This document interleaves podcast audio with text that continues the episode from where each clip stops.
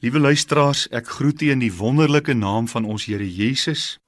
Ons is besig in hierdie week tydens die oggendoordenkings om in die Bybel te kyk na metafore waardeur God aan ons die gemeente kom openbaar.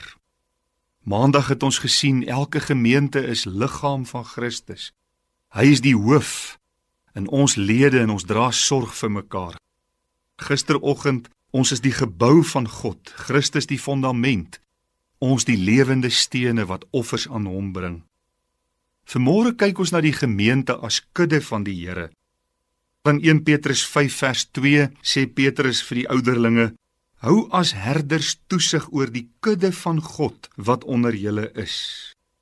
En dan sê hy in vers 4 en wanneer die opperherder verskyn, dis natuurlik by die wederkoms. En dit dui onmiddellik vir ons die posisie van die Here Jesus in hierdie metafoor aan. Hy is die opperherder. Johannes 10 noem hom ook die goeie herder wat sy lewe aflê vir sy skape. En sy skape luister na sy stem en hulle ken sy stem.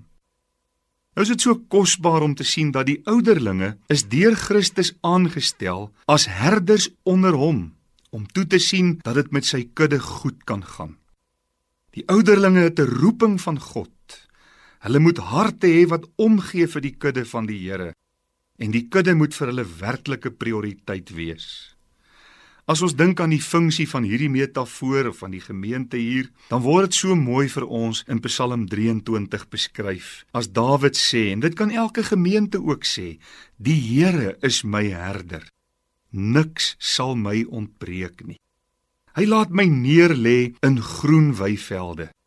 Na waters waar rus is, lei hy my heen. Hy verkoop my siel. Hy lei my in die spore van geregtigheid om sy naam ontwil. Al gaan ek ook in 'n dal van doodskaduwee, ek sal geen onheil vrees nie, want U is met my. U stok en U staf, die vertroos my. U berei die tafel voor my aangesig teenoor my teestanders. U maak my hoof vet met olie. My beker loop oor. Net goedheid en guns sal my volg al die dae van my lewe en ek sal in die huis van die Here bly in lengte van dae. Dit alles omdat die Here ons herder is. Ons vind rus in hom. Ons word deur hom op die regte pad gelei. Ons hoef nie te vrees vir die donker dieptes van die doodsvallei nie.